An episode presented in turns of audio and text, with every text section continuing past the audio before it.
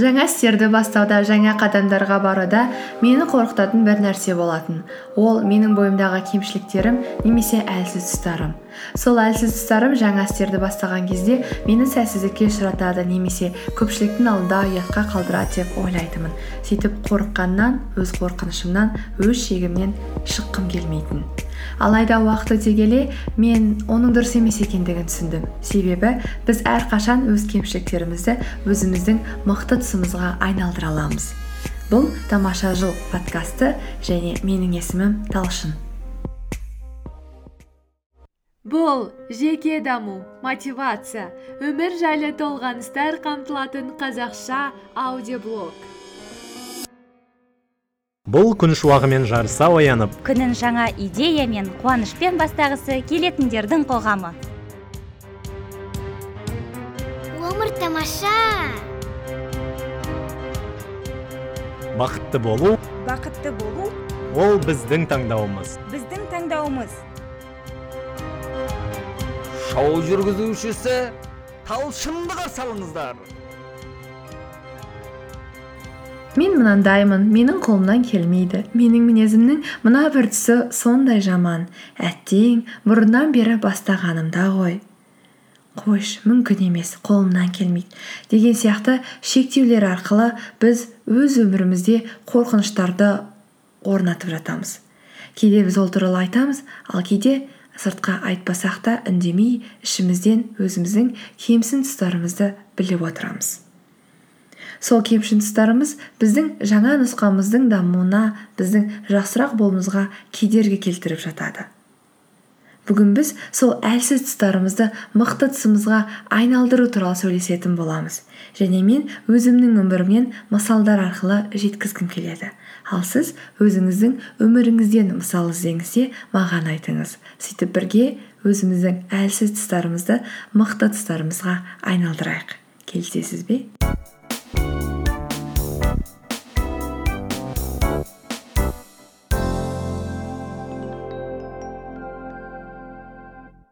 Нөмір бірінші мысал. Бұл мысал сізге түсінікті және сіз білетін боларсыз деп ойлаймын.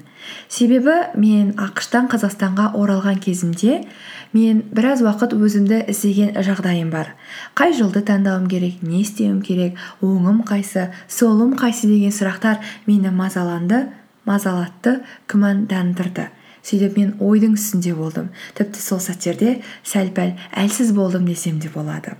Алайда сол әлсіз тұстарымда ойымды жинақтау үшін және ойымды жинақтау арқылы саналырақ өмір сүру үшін мен подкаст жазуды бастап кеттім.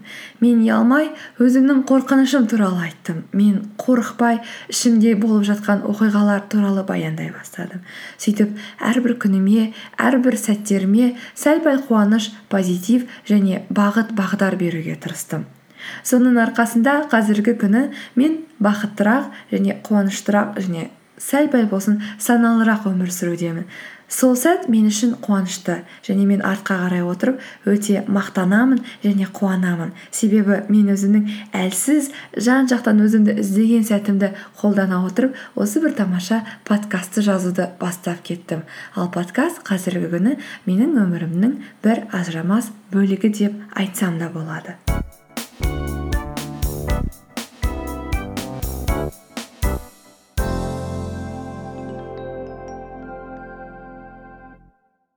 Екінші мысал егер де мені подкастымды тыңдап жүрсеңіз немесе өмірде мені кездестірген болсаңыз онда бұл жайлы білесіз деп ойлаймын. Бұл мысал спорт жайлы болмақ. Мен кішкентай кезімнен бастап спорт сабағынан қашып өткен оқушымын. Біраз мектеп жылдарымның тоқсан сексен процентінде дене шынықтыру пәніне қатыспағанмын және де дене шынықтыру сабағынан қашудың және одан құтылудың түрлі жолдарын ойлап табатынмын. Кейінірек те қанша рет спортпен айналысқым келсе де айналыса алмайтынмын. Себебі ол менің әлсіз тұсым болатын. Мен сәл пәл жүгірсем шаршап қалатынмын. Оның үстіне бетім тез қызарып кетеді. Ал көшеде бетім тез қызарып кеткенін көрсем адамдардан адамдардан ұялатынмын адамдарға көрінуден ұялатынмын.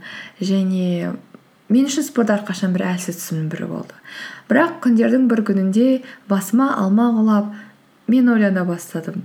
Намысым жоқ па? Әлде ерік күш жігерім жоқ па?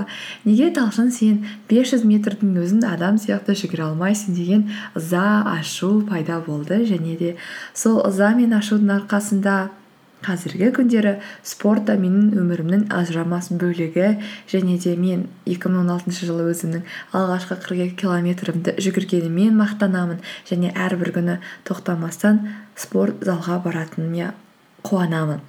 Егер де сол әлсіздігімді қабылдап егер мен істей алмадым деп жүрген болсам онда мен сол әлсіз күйімде қалар едім деп ойлаймын. Алайда сол әлсіз тұсымды мықты тұсыма айналдыру арқылы өз өмірімді өзгерттім десем де болады.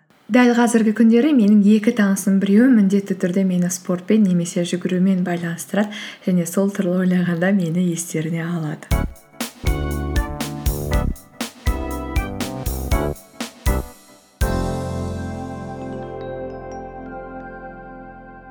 Келесі үшінші мысалым бәлкім ол балалық шағыма барады және де мінез туралы болмақ.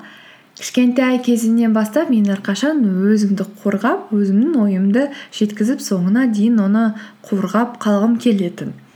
Алайда ол үшін сенде біраз мінез болу керек және де сен егер біреу есеңді жеп жатқан жағдайда онда ұрысып та айтып та көзіңмен көрсетіп те білу керексің деп ойлаймын. Өкінішке орай менде ол қасиеттер болмайтын және де өте кішкентай кезімде солай есемді көп жіберетінмін және ол мені қатты уайымдататын. Сөйтіп мен бір күні мен де ұрысып көрейін деп шештім.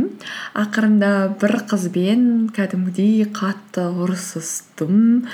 Ыыы бес он минутқа дейін мен өмірімде олай бес он минут ұрысып көрмегенмін ол кішкентай кезімде. Әрқашан үндемей қоя салатынмын. Ұрысып көрдім және де маған ұрысудан кейін өзімді өте жаман сезіндім және маған ол ұнамады. Сөйтіп басқа да жолдары бар шығар деп ойлана бастадым. Себебі ол менің жеке қасиеттеріме сәйкес келмейді екен оның өзі өнер деп ойлаймын.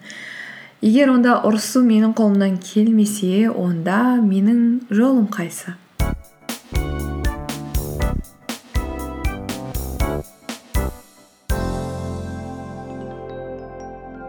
Дәл қазір мәз болып сізге осы жайлы айтып отырғанымда сіз ішіңізден ойлап отырған боларсыз. Әй осы қыз бірдеңе ойлап тапқан шығар. Қазір аман жүргеніне қараған кезде өзінің есесін жібермейтін болар қазір деп.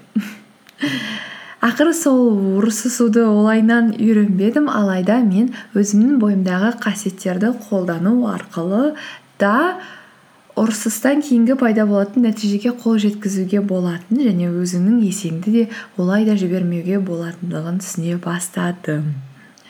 Ол менің ойымдағы қасиеттер яғни ұрысқа жібермеу ұрысқа дейін алдын ала шараларды қолдану немесе ұрыс болып кеткен жағдайда онда өрт сөндіруші ретінде қызмет атқара отырып барлығын аман есен алып қалу. Бұл жағдайда мен өзімде жоқ қасиетті дамытудан гөрі өзімде бар қасиетті қолдана отырып әлсіз болып жатқан тұстарымды мықты жаққа айналдырдым деп ойлаймын.